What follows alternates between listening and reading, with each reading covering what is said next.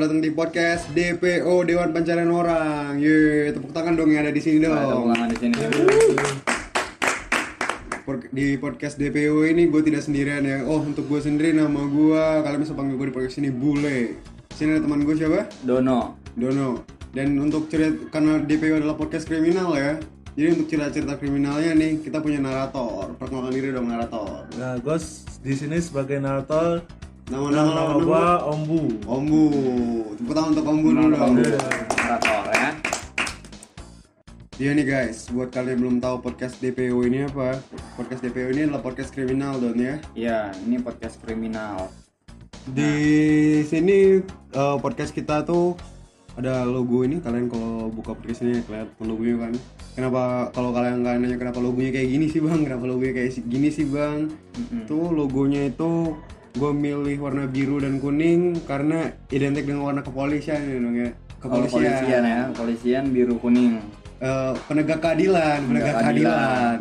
Terus kita punya tagline nih DPO La Casa del Villano. La Casa del Villano ini terinspirasi dari series yang lagi naik booming sekarang ya, eh, La Casa de Papel. Iya, oke. Terus ada gambar-gambarnya kayak apa? Oh, kayak Jepang, rumah-rumah Jepang gitu. Kayak rumah-rumah Yakuza gitu ya. Ah. Itu fotonya gua ambil di Blok M dong. Di Blok M. Hacep gitu ya, hacep, Hacep sih. hacep ya. Boleh, boleh, boleh. Kawasan boleh. milenial sekarang. Iya, bisa dibilang gitu. Terus apa namanya? Eh apa nih ada motor-motor gitu parkir ya Oh. kenapa ada motor-motor Nggak tahu kalau itu itu pernak pernik aja. Emang pernak-pernik. Menambah ornamen, ornamen estetika. Estetika Untuk aja. estetika. Oke, oh berarti eh, ini kenapa di Blok M karena deket ya Iya karena dekat Karena sih. dekat. Karena dekat dan kalau kalau- dan emang Blok M kan suasananya dulu banget kan jadul Oh, banget gitu. klasik, klasik. Vintage, gitu. vintage, ya. Makanya gue pilih Blok M jadi Ah. cover podcast kita. Nah, jadi untuk eh, eh pendengar kita juga belum punya nama sih ya. Iya. Apa ya kita nanti sama punya nama pendengar kita ya? Buat para DPOers kali ya. DPOers. Apa apa apa dan eh, apa ya?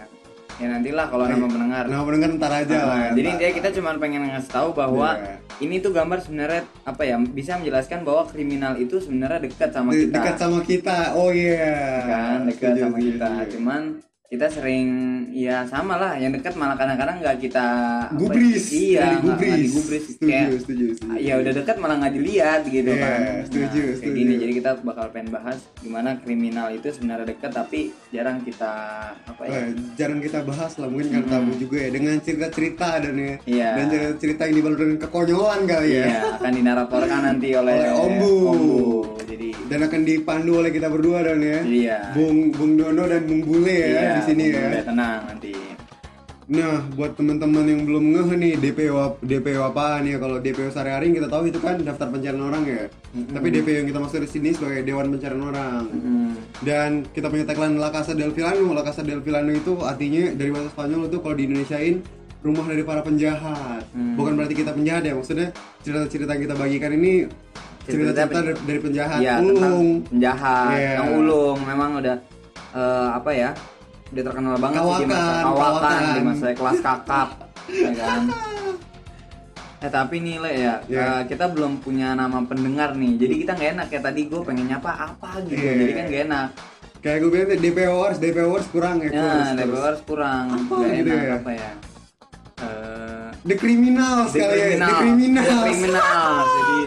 Berarti buat pendengar kita ada kriminal. Criminals, ya nama pendengar podcast DPO The Criminals, Criminals, banget, Kayak- benar. kayak nama band-band jadul gitu ya Ah, kayak ah. nama band-band band-band apa eh, gitu Band-band alay. Iya kayak kayak temennya kuburan band gitu Ah, The Criminals. The Criminals. Jadi setuju deal ya. Setuju deal. The Criminals salaman Ini dulu. dari deal dulu. Salaman, dulu. Nah pendengar podcast kita The, The Criminals. Nah nanti jadi eh, si narator kita juga nggak bingung gitu Yeah. sambil baca cerita masa tiba-tiba eh ini, ini, terus siapa ya gitu. Yeah. Jadi enak. Nanti kita nanti enak. Jadi ntar kita bilang kombo ya kalau ah. kalau kita nama pendengar kita The Criminals. Iya, oke. Masuk ke tipis-tipis, masuk ke tipis-tipis, masuk tipis-tipis tipis-tipis. tipis ke materi ini dong. Materi. Tema kita hari ini adalah kriminal 70-80-an. Hmm. Ceritain dong ke para The Criminals. Kenapa nih kita milih tema episode awal kita nih kriminal 70 70-80-an? Nah, jadi untuk para the criminals gitu kan, kita Iya. ngambil tema ini karena eh, pada saat itu masih banyak terjadi kasus-kasus genosida atau oh gen- pembunuhan massal ya Iya, atau pembunuhan massal genosida itu. Terus juga eh, banyak kasus-kasus eh, yang belum selesai yang benar-benar besar banget di tahun 70 80. 80-an. Heeh, kemudian juga eh, menurut kita sih apa ya? Hukum saat itu udah ada, cuman apa ya? Mungkin juga karena maraknya belum ada sosial media kayak sekarang. Iya. Kita menarik ini untuk kita bahas karena Setuju, setuju. dulu kalau misalnya orang istilahnya bukan pembunuhan massa ya, untuk pembunuhan aja gitu pembu- pembunuhan pemerkosaan gitu kejahatan-kejahatan tuh jarang terekspos orang Iya, karena bisa tidak ada dan ya Ah, orang tuh Paham, eh, apa ya ya kalau dulu mungkin sekalipun lu ngeliat gitu eh, ada pembunuhan atau ada apa ya Oh, lu iya. nggak bakal mungkin bisa foto terus lu share ya Iya, kan susah ya, susah susah. paling lu bisa nge-share Teriak, dari gitu teriak ya, dari gitu ya. mulut ke mulut cerita masyarakat kayak Iya, gitu-gitu iya, jadi iya, iya, emang iya. ini menarik banget buat kita bahas supaya the criminals ini juga paham kayak gimana sih kriminal tahun 70 80-an 80-an ya. Iya, sebelum kita membahas membahas kriminal kriminal kriminalitas kriminalitas sekarang ya, ada baiknya kita mempelajari le- legendanya ah dulu. kita tahu asal usul cerita-cerita. Iya. Cerita-cerita kakek dan nenek moyang Ah, para ah. kriminal Betul. ya. Setuju, setuju, setuju, setuju. Ayo Don ya, kita langsung masuk aja ke materi ya. Kriminal 70 80-an. Materi pertama kita adalah kasus pembunuhan. Pembunuhan. Kita umpan dulu ke Ombu, oke? oke Nah, yang di kasus pertama ada dari George Killer tahun 1982 di Hong Kong. Eh, kejadiannya itu eh, dari seorang Lam Kon Wan tahu eh, 27 tahun seorang sup- sopir taksi malam melakukan serangkaian pembunuhan mengerikan dengan sasaran kor- korban empat orang perempuan. Lam yang memiliki latar belakang kehidupan keluarga yang tidak bahagia dan mengalami kecanduan pornografi melakukan pembunuhan terhadap penumpang taksinya dengan cara mencekik korban menggunakan kabel listrik sampai mati, membawa mayatnya pulang ke rumahnya dan memutilasinya serta mengambil gambar serta video dari setiap potongan tubuh korban dengan kamera film. Itu tadi Don, kasus pembunuhan pertama, Jars Killer dari Hong Kong tahun 82. Dengar cerita Ombu tadi gua kayak itu deh. Emang tahun 82 udah ada kamera gitu ya? kamera udah ada Ada ya? ada Oh. dia kamera pakai film Pocket gitu ya? ah yang kamera negatif Oh, yang dicepak-cepak gitu ya, gitu ya? Ah, sama Oh. yang nanti biasanya dicuci. Misalkan Oh. lu ada tuh di eh, dulu tuh di toko-toko kamera Iya. tuh ini ada apa namanya? terima cuci film. Ya, film tuh maksudnya karena kameranya pakai film. Kalau kamera sekarang itu pakai memori. Iya. Enak kan? Kita tinggal pindahin ke laptop, ke apa terus kita cetak, bisa nyetak di printer apalagi sekarang. Oh. Kalau dulu dia mesti mesti apa ya ke tukang foto, Oh, iya, cuci iya, namanya iya. cuci film. Cuci film. Nah, cuci film negatif itu terus nanti jadi eh, foto yang berwarna dan segala macem baru dicetak. Lah kalau menurut lo si Jars Killer sini atau Lam Korwan ini dia bawain fotonya ke tukang film atau cuci sendiri? Karena kan dia kan habis habis ngebunuh tuh foto-foto kan, di foto-foto kan. Ah. Menurut lo dia cuci sendiri atau cuci ke tukang foto nih? Menurut gue dia cuci sendiri. Cuci sendiri Nggak deh. mungkin kalau tukang foto dia ketahuan. Ketahuan dia. ya. Heeh. Oh, bisa Tapi bisa. bisa. eh, tapi apa ya? Gue serem juga sih ngelihat eh, di sini apa? Maksudnya dia telah membunuh, telah apa ya? Dia bawa pulang ke rumah. Iya. Terus eh, dia foto gitu. Apa emang kesenangan dia kayak gitu kali ya? Serem juga ya dan ya. Gua ya udah kalau misalnya dia udah bunuh, mungkin ada orang ya udah bunuh aja gitu loh. Iya. Tapi dia dibunuh, dibawa pulang, Nah, terus di foto-foto gitu terus ya. difoto. Tidak, tidak jelas motivasinya Ah, apa gitu. Terus emang kayak di rumahnya emang nggak ada orang apa ya? ya. Maksudnya kan itu eh ini ya apa? Ya lu masa nggak mungkin lalu bawa pulang Lagi mayat. merantau, lagi merantau dia kali dia. Ngekos kali. Ngekos, Ya, ngekos. nah, Ngekos kontrak. kontrak sendirian Ah, gitu. Solo gua karir. kepikiran gitu aja. Maksud gua eh, ya dia masa bawa pulang mayat tapi Iya. orang di rumahnya nggak ada yang ngeh gitu dia bawa mayat. Hmm. Masuk Bu ke kasus pembunuhan yang kedua. Yang kasus pembunuhan kedua itu ada Bra Braemar Hill Murder tahun 1985. Pembunuhan bukti Braemar terjadi di Hong Kong pada 20 April 1985. Sepasang remaja Inggris bernama Kenneth McBride tah- eh, berumur 17 tahun dan Nicola Mers berumur 18 tahun dibunuh secara sadis oleh sekelompok gangster di area Bremer Hill. Sehari setelah terjadian pembunuhan, mayat McBride ditemukan dalam keadaan terikat. Ada bekas pemukulan, bekas cekikan di leher dan lebih dari 100 luka di tubuhnya. Sedangkan mayat Mers ditemukan dalam keadaan setengah telanjang, rahangnya patah, dan bola mata kirinya keluar dari soketnya. Selain itu, dari hasil otopsi di rumah sakit diketahui kalau Mers juga menjadi korban pemerkosaan sebelum meninggal.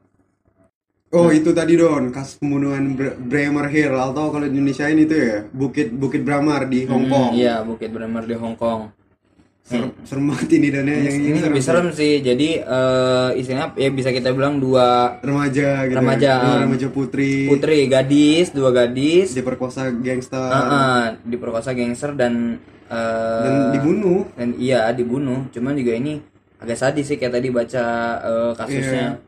Kita tadi dengerin Ombu ya kayak Mbak mau- dengerin sih ya. kayak rahangnya patah, soket eh, apa matanya Matanya keluar dari keluar. soket gitu. Ah. Aduh, kok baca sih dengerin Iya, Tadi dengerin. kan ada ada ombu ya narator. Ah, iya dari ombu tadi gitu serem juga kayak keliat sadis ya iya iya juga sih maksudnya ini dia dua gadis nih lawannya satu gangster gitu kita nggak tahu Satu jumlahnya geng gitu berapa ya. Ah, satu geng ya udah serem banget sih itu tahun 85 tahun 85 menurut lo iya sih ya kalau Iya. kita nonton kita ngomong kita ngomongin tahun 85 dan daerah perbukitan gitu. Iya. Pasti ya, lampu belum banyak atau apa gitu. Iya. Zaman zaman dulu juga kan mungkin eh apa ya ya rawan lah gitu. Maksudnya emang kayak mungkin lampu masih kurang gitu kan. Terus ya beberapa tempat emang masih belum serem lah kalau di Indonesia juga beberapa tempat juga emang Iya, emang 85 Indonesia pun juga ya Iya. masih abu-abu ya Iya, masih serem lah gitu, masih sedikit penerangan, masih Setuju, sepi setuju, di beberapa tempat. Setuju, setuju, setuju. Beberapa kasus pembunuhan di Indonesia juga banyak, cuman ya memang susah untuk mencari tahu pelaku dari itunya gitu. Iya. apalagi kita ngomong itu. apalagi kita ngomongnya ini di, daerah perbukitan Ah, kan. ah. Ah, ya, ayo Bu, masuk ke kasus yang ketiga, Bu. Nah, yang kasus ketiga itu ada MB atau inisial. Bocah 11 tahun ini didak- didakwa telah membunuh dengan cara mencekik dua anak laki-laki berusia 3 dan 4 tahun. Tidak seperti insiden pembunuhan pertama, yang kedua dilakukan dengan teman yang ber- berinisial NB. B mengukir N dengan silet di perut korban. B berasal dari kor- dari keluarga yang berantakan. Ibunya adalah seorang pelacur yang tidak hadir dalam kehidupan B. Pada tahun 1980, B dibebaskan dari penjara dan diberikan an- anonimitas. Nah Don, CMB ini waktu ngebunuh berapa tadi? Kita dengerin nomor empat dua anak kecil ya. Ah. Yang satu yang satu berumur tiga eh satu berumur tiga tahun, yang yang kedua umur empat tahun. umur 4 tahun. Kalau menurut lo umur 11 itu udah akil balik gak sih? Atau udah bisa mikir ya masa kayak anak kecil sih gitu? Belum, 11 tahun belum. 11 11 11 tahun tuh masih SD loh hitungannya. Iya. Kalau di Indonesia ya kan masih SD tuh. Iya. Ya, menurut gue ini udah emang sih tadi kalau dengerin cerita dari Ombu dia kan emang berasal dari keluarga yang nggak Iya. baik gitu. Maksudnya bukan nggak baik. Ya mungkin dia karena kurang kasih sayang Kurang perhatian, kurang ya. perhatian. Terus dia mungkin kebanyakan bergaul dengan uh, orang-orang jahat di sekitar dia. Mungkin juga tempat dia hidup dia tinggal itu eh, ya emang sadis nggak itu. Kayak tadi dengerin Ombu lu denger kayak perutnya di apa? Iya. dibentuk gitu Oh apa sih iya, di yang, saya yang pakai dia silet. yang dia ngebunuh gitu Nah, ya. tapi perutnya bisa gitu. Maksud gua itu anak SD gitu loh. Iya, ibaratnya kalau Indonesia Ah, anak SD umur masih 11. Umur 11, kecil lah hitungannya masih Iya. anak kecil, tapi dia udah bisa apa ya, melakukan hal-hal sadis. itu. Ah, hal sadis lah itu dibilang serem. Itu tadi untuk para The Criminals, tiga dari banyak kasus pembunuhan di tahun 70 dan 80-an Don ya. Iya, itu beberapa betul. tadi kita ambil ya. Ada beberapa. Setelah pembunuhan kita punya kasus-kasus apa lagi Don yang kita bahas? Materi Kita- kedua ini ya, materi, kedua. ini adalah eh, tentang pemerkosaan. Kasus pemerkosaan. Pemerkosaan. Pemerkosaan gak sih kita nih? Pemerkosaan ya. Pemerkosaan ya, Oke. bener kan pemerkosaan Nanti kan? akan dibacakan lagi seperti biasa. Oleh Dengan Ombu, narator kita ya. Betul. Nah, kasusan kasus pemerkosaan pertama ada kasus pemerkosaan tentara Korea Selatan.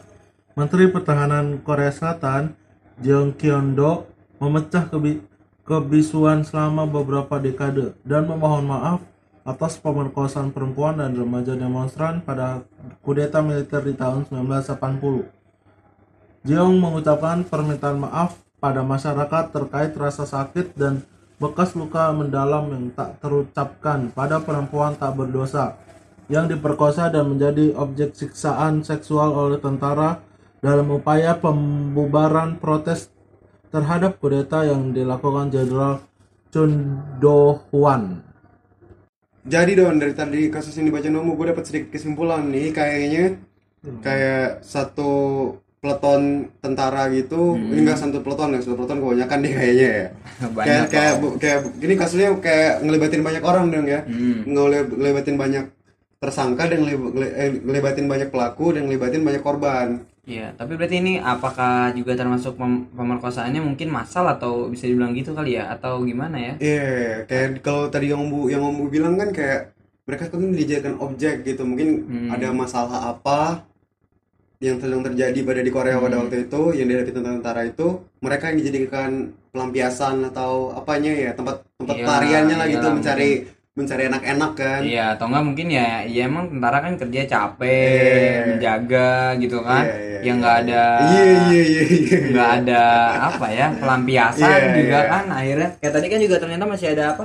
Beberapa apa ya tadi? Beberapa orang Ah, bukan. bukan, bukan, bukan. beberapa wanita ini mengalami eh, apa kekerasan seksual Oh, gitu kan iya. yang tadi dibacain sama Ombu tuh berarti ya mungkin dia tidak hanya eh, memperkosa aja tapi mungkin ada Iya, iya, paham, ada paham. itulah ada Ada kayak di luku pukul gitu iya ya, tipis-tipis, paham, dipukul paham. ada diapain kayak gitu mungkin Oh.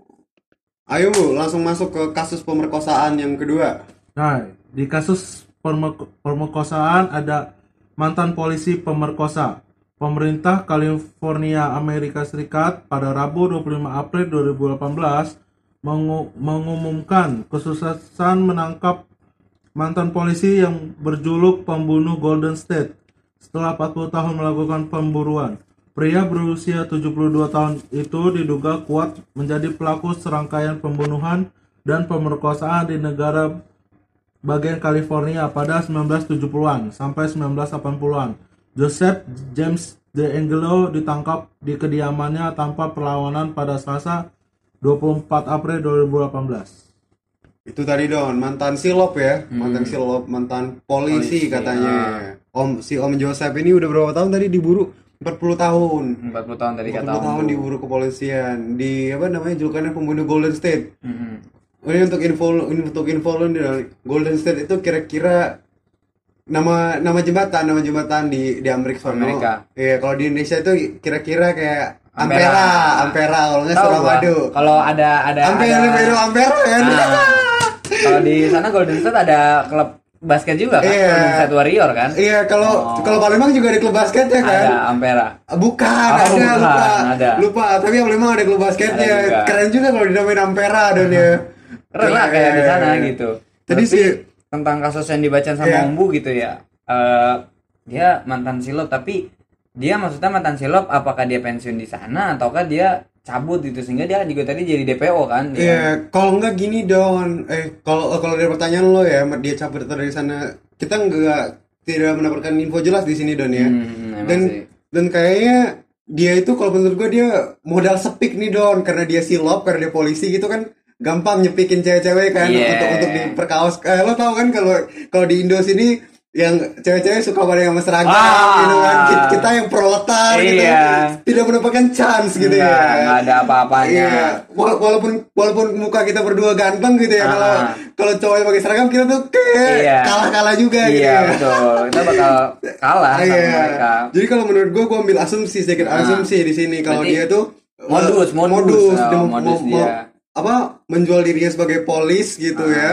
Terus ya dia pakai untuk jepikin cewek terus diperkaos gitu. Betul, berarti kayak Eh, mungkin cukup dulu untuk episode pertama ini untuk para The Criminals. Nantikan juga kita bakal bikin eh, episode keduanya. Part 2 dan ya, part, Iya. part 2 di episode 2. Betul, part 2. Oke. Eh, tanpa berlama-lama lagi gua langsung cabut. Gua Dono Gua boleh. Gua Ombu. Dadah. Dadah.